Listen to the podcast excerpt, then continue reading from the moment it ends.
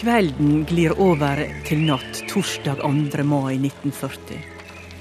I Brattevågen på Sunnmøre trør en syklist i stor fart opp bakkene fra kaia.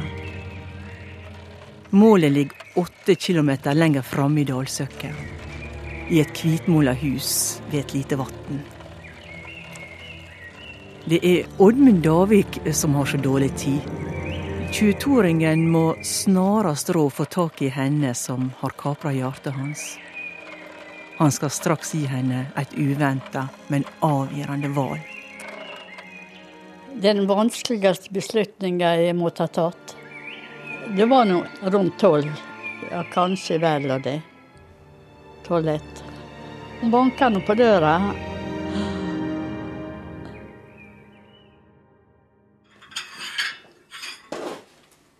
Ta med deg noen og sett deg. Ja, takk, du. Men jeg vet ikke om jeg har noe å fortelle, altså. Ranveig har noe å fortelle. Slik som utallige andre betalte også den gråhåra vesle dama sin pris for valg som måtte gjøres da krigen kom. I mai 1940 er Ranveig 21 år. Hun har siden krigen brøt ut vært tjenestejente på småbruket i hellinga ved vatnet. Kjæresten Oddmund som kommer syklende, er fisker, og de to er forelska i hverandre. Men de veit ennå ikke om det virkelig blir de to. Jeg ble kjent med henne her i Men Jeg for nå etter veiene og ble kjent. Så jeg var vel ikke mer enn 15-16 år da jeg begynte å gå i lag med henne. Han var nå min type, da. jeg får bare si det slik. Oddmund vil ha Ranveig til å rømme landet i lag med seg før dagen gryr. Far til Oddmund eier fiskebåten Koralen. Han har bestemt seg for å forlate landet med hele familien, etter at radioen i går kveld meldte at tyskerne er i ferd med å sigre i Sør-Norge. Nordenfor Trondheim har de tyske styrkene etter at Steinkjer var hærsett, tatt nye viktige sør. Det var lite motstand der. Tyskerne har dermed trygget seg Trondheimsbygdene og jernveien til svenskegrensa på nordsida. De er redde at fiskebåten og mannskapet blir tvinga inn i transporttjeneste for den tyske okkupasjonsmakta. Det har skjedd andre steder. Noe slikt er utenkelig for Davik-familien. Oddmund har ett vilkår for å bli med familien på flukta. Det var nå slik at han ville ikke reise han uten at jeg reiste. Så da har ikke faren lyst til å reise igjen, og så vet jeg Jeg har nå lyst med, det var ikke det, men Klokka nærmer seg halv to, og Ranveig må ta valet. Hun ber innstendig foreldra og søskena om å bli med på flukta, for det er plass til dem om bord i båten. Og mor har i grunnen lyst til å reise med, det, men uh, far har ikke lyst. Han var nå mer type som liksom måtte tenke på ting mye. De var nå enige at jeg skulle reise når jeg ville. Hvis de, hvis de orka å gjøre det. Men, men så var det så tenkte vi det blir ikke lenge. For Ranveig dreg Oddmund mer enn det som held tilbake. Hun blir med. Det var den vanskeligste beslutningen jeg har tatt. Å reise fra foreldrene mine og, og landet.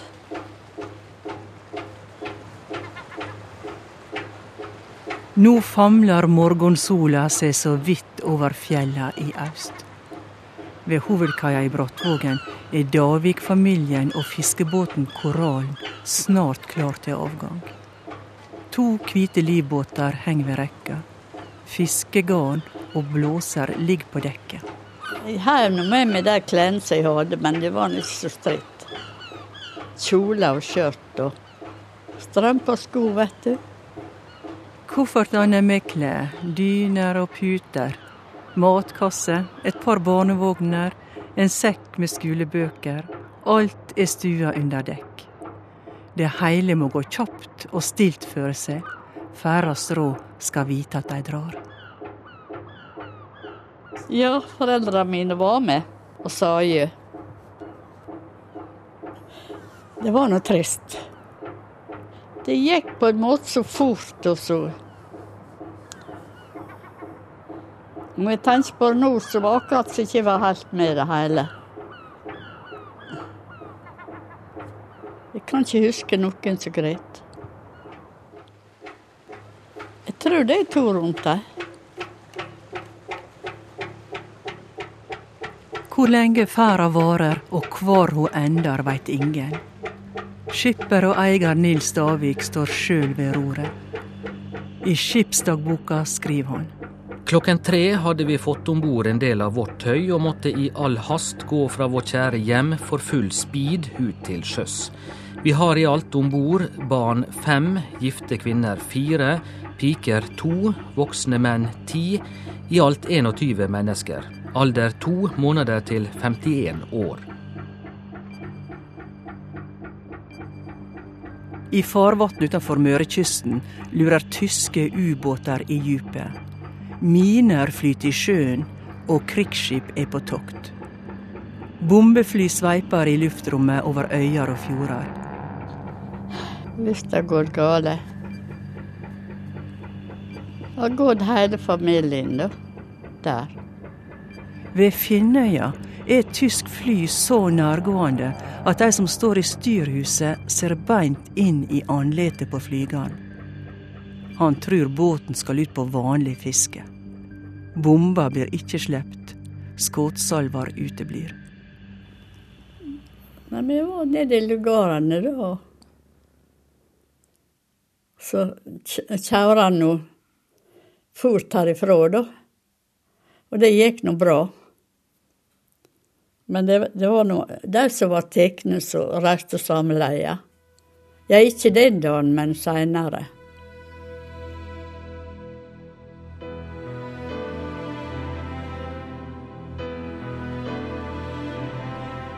Røyken fra en utbomma Molde kan enda skimtes på himmelen. Der står kongebjørka ensom att etter at hun skjulte kongen og kronprinsen for fiende og bomber. Litt lengre nord ligger Kristiansund i ruin. På Åndalsnes i øst har flagg pryda med hakekors veia over jernbanestasjonen i snart ett døgn. Norske og britiske soldater gir opp kampen om Sør-Norge. Ved Ona fyr legger korallen kursen beint vest i havet. Det var nydelig vær. Det husker jeg.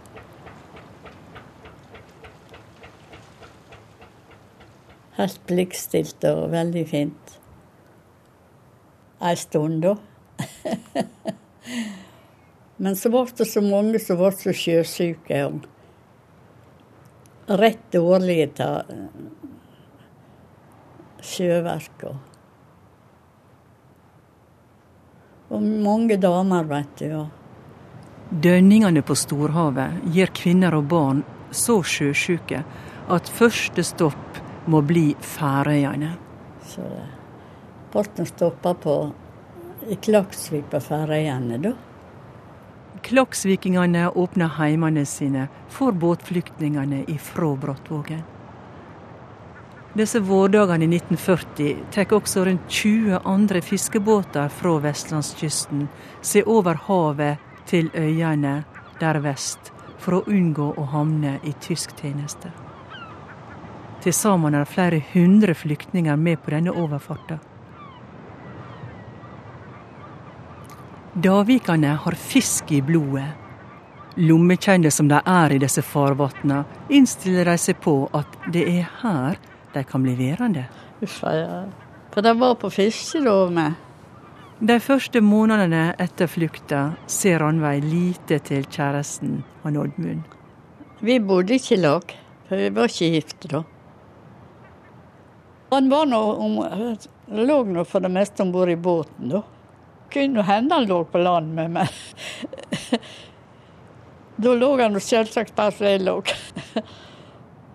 Oddmund er travelt opptatt med å hjelpe far, onkler og brødre med fiskeria gjennom hele sommeren. Ranveig skaffer seg arbeid i Klaksvik. Vaska klippfisk. Sånn stor, stor torsk. Vi vaska det i en stabb som rann vann jevnt, og hadde vaskebrett. Sto med å skure av dette svarte. Og, og så skinnskrubba vi nå litt, da. Men det, det, det, var, det, var, et kaldt arbeid. Det var det. Isende kaldt. Skulle tjene penger med, vet du. Verken hardt arbeid, kjærleiken til Oddmund eller hverdagslivet på Færøyene kan ta bort uroa for foreldre og søsken som er att heime i Brattvågen. Nå har tyskerne tatt makta i hele Norge. Det var fullt spennende hvordan det hadde gått, for han hørte grunn så mye rykte. Ettersom jeg, jeg forsto, så har nå gått bare liv og Mye folk var ødelagd og tatt til fange. og terror og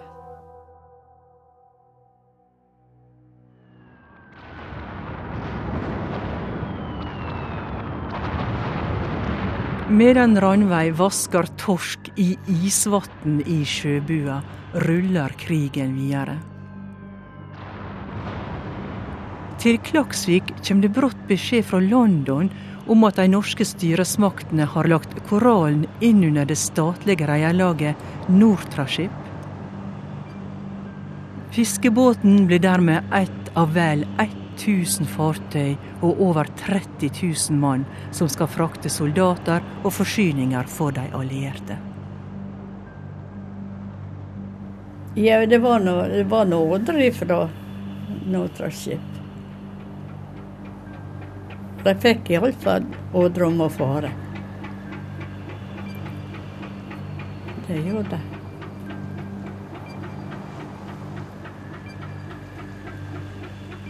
Så det I oktober 1940 blir korallen beordra til Island. Landet er okkupert av britene.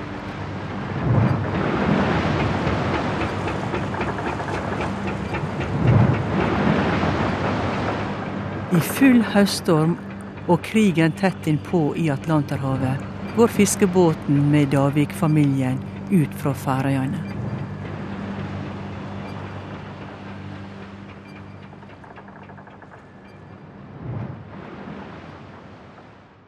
Det er så fint dette bildet. da. Dette er et veldig godt bilde.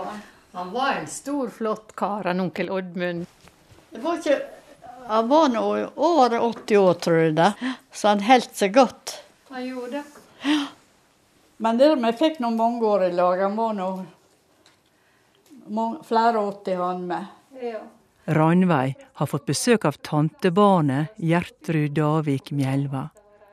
Hun var to og et halvt år da hun ble tatt med på flukta i fiskebåten. Familien var veldig avhengig av båten. Ja, det var seks, seks gutter. Idet båten med storfamilien klapper til kai i Røykjavik, vil Nortraship straks ha brattvågingene til å ta om bord soldater. De skal transporteres videre. Men i båten er det fremdeles seks småbarn og ti kvinner. Og da nekta han bestefar. Han skulle ha på land kvinner og barn først. Men de måtte bli værende om bord. Og mor fortalte det var så travelt med å vaske klær for eh, babyen og måtte snore ut på dekk og Ja, det var en rar tid. To veker seinere kjem ordren om å reise nord til Akkarøyri, hamnebyen innst i den lengste fjorden på Island, Eyjafjordur. En alliert militærbase er strategisk plassert i utkanten av byen men den trehvite fiskebåten fra Brattvågen er altfor synlig på sjøen. Men de måler nå, så han var nå grov. Korallen må altså kamufleres, For nå skal Oddmund og de andre mennene i familien for alvor inn i farefulle oppdrag og bli enda tettere kobla til krigens gang. Ranveig ser lite til Oddmund.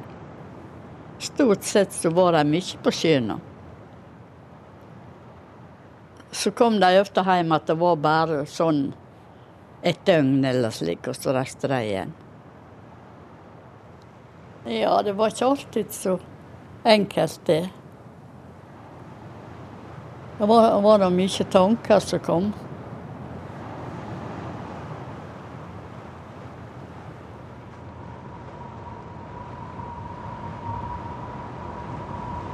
Akkerøyri har ei naturlig havn i et mildt landskap. Det er stor militær aktivitet både til havs og i lufta. I det lunefulle grå storhavet svermer fiendtlige ubåter. Også overflateskip jakter på allierte konvoier i Atlanterhavet. Hovedoppgaven til Koralen er å spore opp miner langs kysten, og så sprenge dem. Du vet, det, det var noe krig, så det var ikke uten fare. Det var noe, noe som var solklart. Det var det nå. Det var noe fly som for, og ubåter. Jeg tenker mange ganger på bestemor mi som hadde eh, ja. sønner og svigersønner og mannen sin om bord i samme båten. Det måtte være enorm påkjenning på Det måtte være nokså travelt for han med. Han var nå åtte og vart Ja, ja, gammel og gammel. Han, var i 50 år, Han var 50, ja. Mm. Men, eh, men, men bestemor var et gudfryktig menneske. Jeg tror hun ba veldig mye for familien sin, og det var måten hun holdt seg oppe på. Denne sterke eh, gudstru. Ja. Jeg tror det var hennes store trøst. Og det er barna gjennom alt, tror jeg. Den talrike Davik-familien har funnet seg leiligheter spreid rundt i bostadområdet i hellinga opp fra fjorden. Ranveig bor ei til her og ei til der. Kvinnene og barna, med bestemor Johanne i spissen, prøver å gjøre hverdagen så normal som råd. Jeg strikka. Jeg husker vi sendte til Reykjavik, og så var det ei dame som solgte for oss. Votter og sånn selvvotter og sånn. Kanskje av og til sokker. Det var nokså populært, det. Det har noe å gjøre, vet du. Medan de voksne opplever krigen som et tungt lodd i hverdagen, lever tantebarnet til Ranveig, Gjertrud, i ei mer bekymringslaus barnevær. Så er det det med barn, de lever i øyeblikket, ikke sant. Men eh, det, det var sånne stunder da vi, eh, vi var redde. Men jevnt over så gikk dagen med leik og, og hadde det kjekt, vet du, vi ungene. Og det var mange unger rundt oss, så vi var en hel flokk sammen. Så vi gjorde disse barnetinga i lag. Det tok veldig godt av oss ungene islendingene. Fordi at, kanskje spesielt fordi at vi lærte språket så fort. Så det, både bror min og jeg vi snakka jo flytende islandsk, ikke sant, Ranveig? Så jeg husker jeg fikk være med på en juletrefest, og den var veldig annerledes enn her. De dansa rundt juletreet. Og jeg var så lita da at det var ei som tok meg på armen, og så dansa vi rundt juletreet. Og så sang vi 'Jólasveinar gang om gulv med kiltestav i hendum'. Moder seira sopar gulv og Flenda dem med vendum.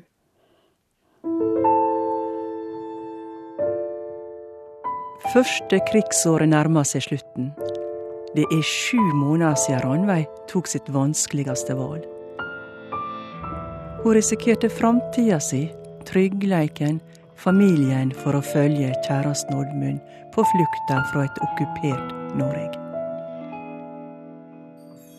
Trass krig, farer og uvisse har forelskinga gått over i noe djupere.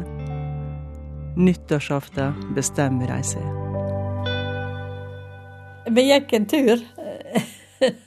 gikk med på en kafé. Eller restaurant, da. Men Sant å si så husker jeg ikke hva jeg fikk her inn. det var nå litt uh, snipe, det, men det gjør ikke det. Så det var nå da om kvelden jeg fikk den, men når akkurat sånn Jeg var ikke i tvil. så jeg fikk en kjekk mann. I Akureyri vokser det norske miljøet. Ei avdeling med fly fra 330-skvadron blir plassert der.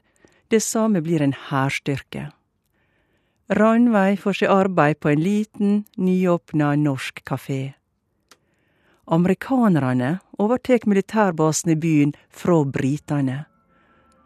Pulsen fra Amerika preger snart fritida til sunnmøringene. Oddmund hadde med seg med på kino. Vi har så kort vei til kino, det var bare rett over gata her som vi bodde. Tatt av vinden. det var Og den var nå full populær. Så der er det snart fire timer, vet du. Jeg så to ganger den. For liksom å få med det som var.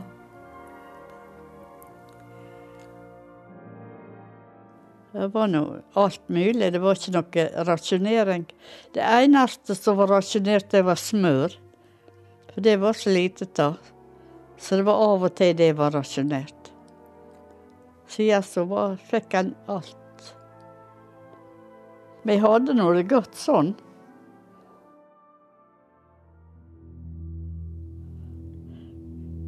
Det var nå dette der som hang over hvordan det var hjemme.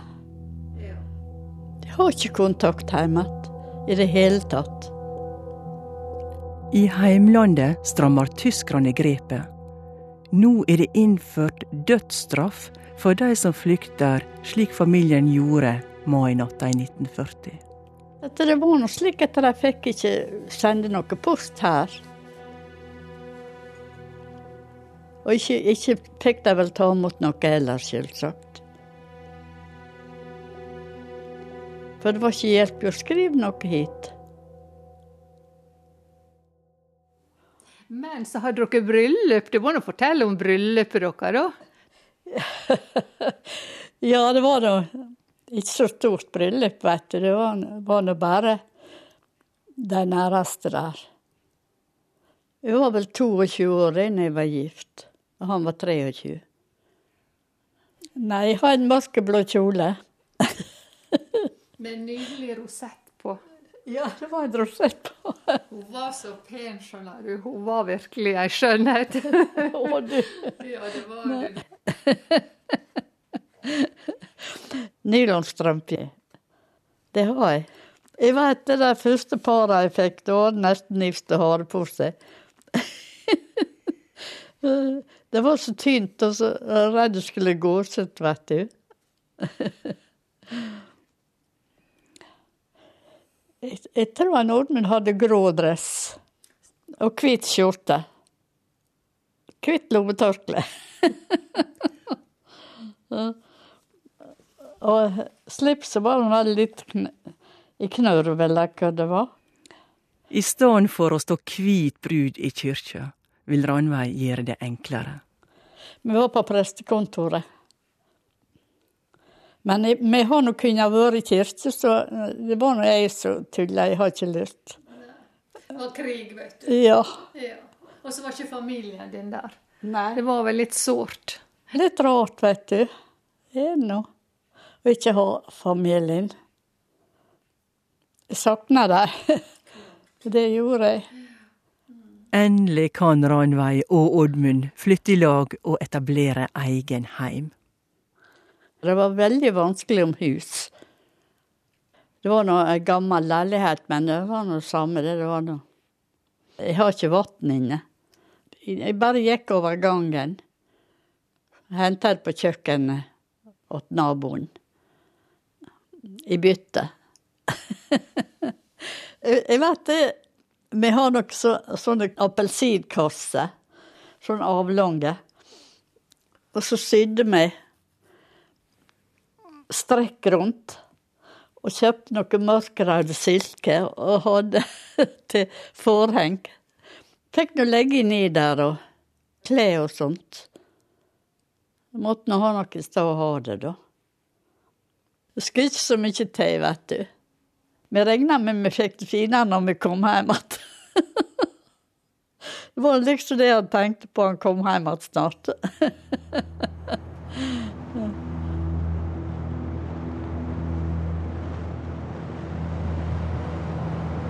Sjøkrigen i Atlanterhavet holder fram. Tyske ubåter dukker opp fra dypet når som helst og hvor som helst. Oppdager de små allierte fartøy, slik som Koralen, går de gjerne i overflatestilling og senker båten med mitraljøse før de forsvinner i havet igjen.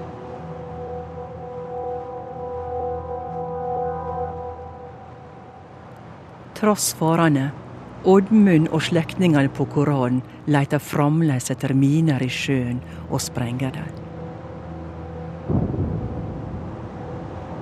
Du vet, det gikk langt med land der òg. Det var forskjellige tider kunne vi beordra litt langt.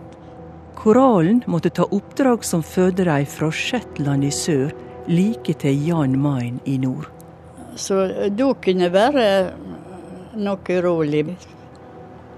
Men eh, det er slik at det, det er noe som heter å seg til alt, og det tror jeg. Han blir på en måte litt herda. Jeg husker han far også satt eh, veldig og lytta på radio når han var hjemme. Ja, Han satt alltid og lytta på radio når det, det var sendinger. ja. Dette er London. På 15 meter båndet. På to bølger i 31 meter båndet og en i 41 meter båndet. Det var noen nyheter på norsk. Det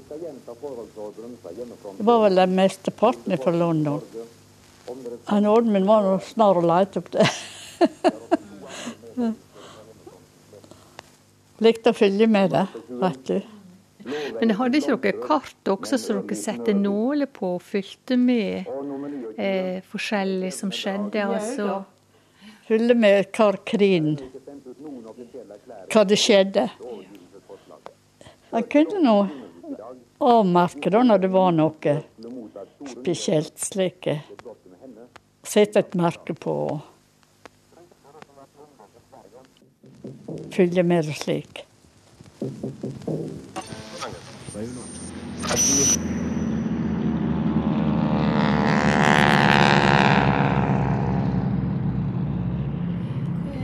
husker at det kom et fly innover havna. Og at det var en båt inne på havna som skjøt etter den, det flyet, for jeg ble så veldig redd. Jeg husker jeg satt på kjøkkenet til naboen og, og grep. Det flyet ble visst nedskutt. Det, det, det, det datt visst ned utpå der. Og det gjorde jo voldsomt inntrykk på et barn. Da Da skjønte han jo veldig realitetene i dette her med krig, da. Det var veldig skremmende. Så trygt var det på ingen måte. Så det som du sier, han måtte bare finne seg i at sånn var det.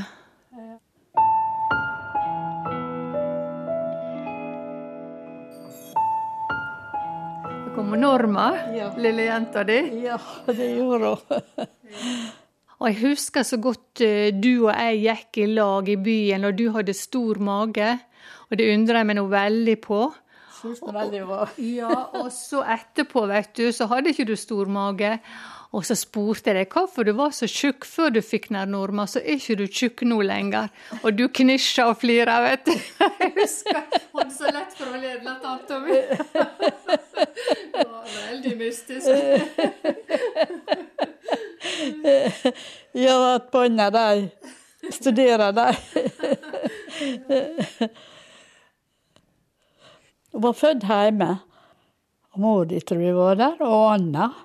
Tenker de trødde til damene. Ja. Veslejenta blir født inn i ei urolig tid langt fra heimlandet. Men morslykka lar seg ikke overskygge. Det var stort, det, vet du. Det er noe herlig, det, vet du. Å bli mor. Etter at vesle Norma er født, går Ranveig fullt opp i rolla som mor og husmor. Det er vel tre år siden hun tok det vanskelige valget. Somme tider angrer jeg, det gjorde jeg. Ikke at jeg slo meg lam med han, det angrer jeg ikke på. Du vet at det er noe så rart med det når han reiser slik, så er det alltid det at han, han tenker at nei, dette skulle han ikke ha gjort, det skulle han ha vært hjemme i ro. Men tenkte av og til å være alene.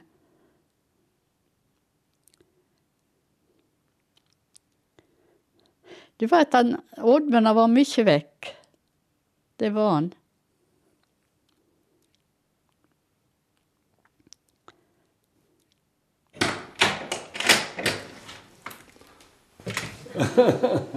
Hei.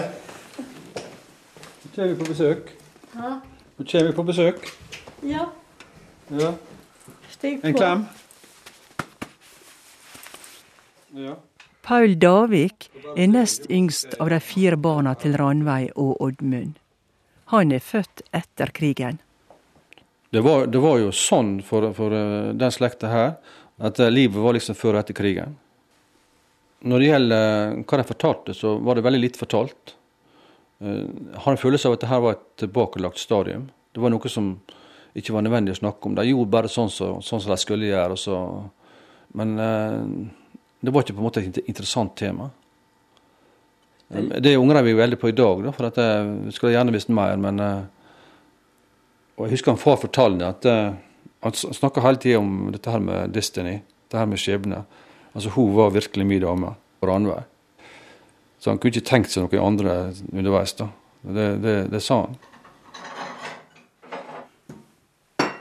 Men det er brunost på vaflene. Var ikke flink? Det var de. Jeg veit jo bestemor fortalte at det kom jo folk eh, hjem til deg Ja. og ville ha tak i bestefar ja. du hadde reist. Det var Gestapo som var hjemme på døra i Brattvågen for å arrestere far til Ranveig. Ja, han, han måtte nå skjule seg flere ganger, han. Hvorfor fikk de tak i han da? De fant ikke han. For han var reist på sjøen. Han var på, reist på Edjar, kaller de det. De tok ikke han. Han det vært fest, det visste jeg gjorde meg. Det norske naziregimet var i ferd med å nøste opp hvem som hadde reist ut av landet, og hva de hadde reist. De visste ikke om noe, hvor, hvor vi var, enten vi levde eller hva vi gjorde. Det var mye prat om at vi var i Amerika, etter som de sa. Men det var, det var nå ikke, da.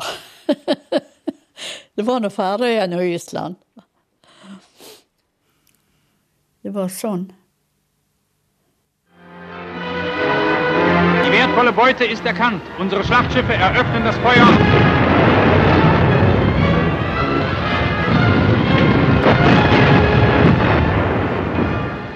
Oddmund og resten av mannskapet på Koralen var tett på store hendinger under krigen. Far fortalte det at uh, jula 1943, da lå uh, Duke of York, var et, brittisk, et av de største britiske krigsskipene, lå utenfor, uh, utenfor Island. Og Koralen fikk beskjed at de skulle reise om bord i båten, om bord i slagskipet, og levere en konvolutt til admiralen på of York. Og det gjorde de. Rett etterpå da så de at, at Duke of York kasta los og uh, satte kursen nordover fra Island.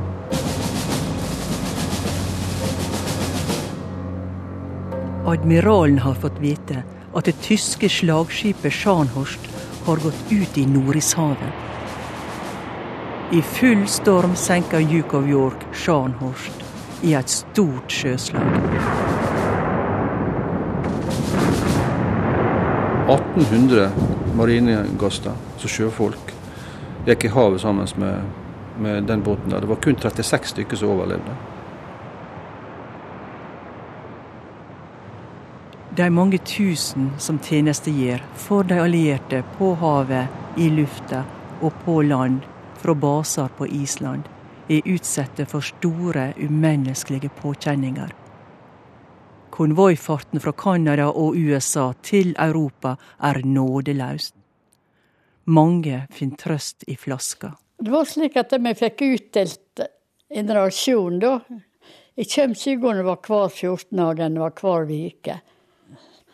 Alkohol og tobakk og mat og Og det ble liksom mye mer når amerikanerne kom. Og du veit det var mange som var svake for det. Og var mye, mye fyll, vet du. Men Oddmund, han var avholdsmann. Han drakk ikke. Så det, jeg var heldig der. Det vil jeg si.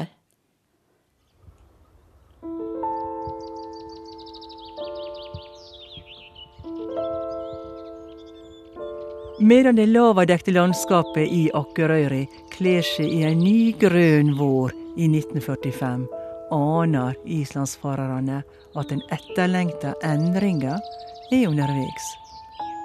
Vi, hører noen rykter om Vi har noen nyheter som han visste når det at det, det nærmer seg. Det gjorde han, men 8. mai 1945. Radioen står på. Ja, jeg, jeg, jeg var nå der oppi Som jeg bodde oppe på høgda der. Så jeg var nå hjemme. Det, det var nokså kaldt. Så jeg satt på radiatoren attmed vinduet. og da hoppa jeg fra den og bort og satte på radioen. Det var nå bare radioen hadde. I dag på seiersdagen i Europa og frigjøringsdagen for Norge taler Hans Majestet Kongen Han Oddmund han var en på kaia, som vanlig. Hans Majestet Kongen. Kjære landsmenn. Nå er vi ved målet for vår kamp. De tyske okkupasjonsstyrker i Norge har overgitt seg. Det var nå et strålende budskap. Vet du. At han fikk snart reise hjem igjen. Hun har båret på håpet i over fem år om å se at de er hjemme. Få vite om alle de kjære er i live. Få vite hvordan krigen har gått hjemme i Brattvågen.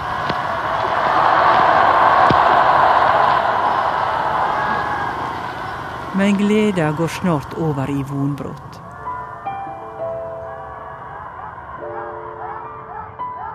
Medan hele Norge feirer freden med jubel uten ende, får ikke Ranveig, vesle Norma, Oddmund eller de andre i storfamilien forlate Island.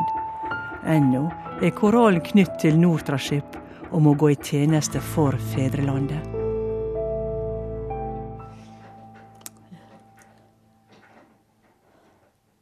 Han syns det var noe trasig, vet du, men Dere var sikkert veldig utålmodige etter å komme av gårde, da. Å ja, kom seg hjem igjen.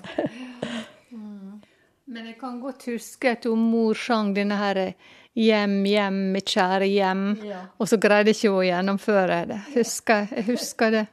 Det var nok tungt for dere, men dere var veldig tapre. Jeg fikk noe brev da, så jeg fikk nå vite at det var bra med alle. Og så alle levde og Og det var det viktigste.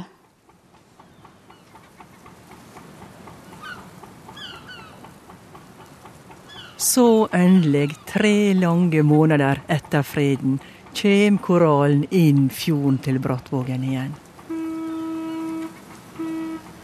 Ankom Brattvåg den 17. august klokken kvart på to. Ble mottatt av Brattvågs befolkning på en storslagen måte, med flagg og sang og velkomsttale av O. Skjelten. Ranveig er nettopp fylt 26 år. Oddmund blir snart 27, og Norma har dem på armen. Sommerlufta har fått et høstlig, kjøligere drag. Men det varmer å se at på kaia de forlot for mer enn fem år siden, står folk tett i tett for å ønske dem velkomne hjem igjen. Det var nå ei en masse slekt som var kommet. Så jeg fikk nå hilse på dem det, med samme jeg kom. Og da, det var nå ja vi elska, da. Det var nå rørende.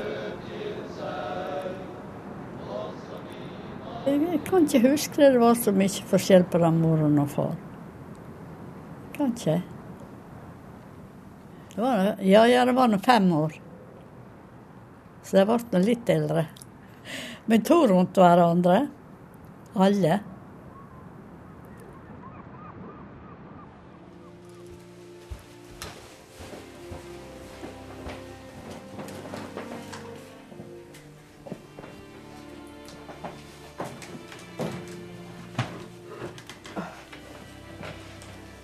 En fot som er så skral, så det går ikke så fort med meg når jeg skal gå. Du har nå så kjekk rullator. Ja. Nå er Ranveig snart 96 år. I glass og ramme på veggen henger heidersprov for innsatsen under krigen. Ja, jeg tror ikke jeg var så modig. Jeg tror ikke. Oddmund fikk norsk deltakermedalje fra Nortraship for tjenester han gjorde om bord på Koralen. Jeg bare ble med.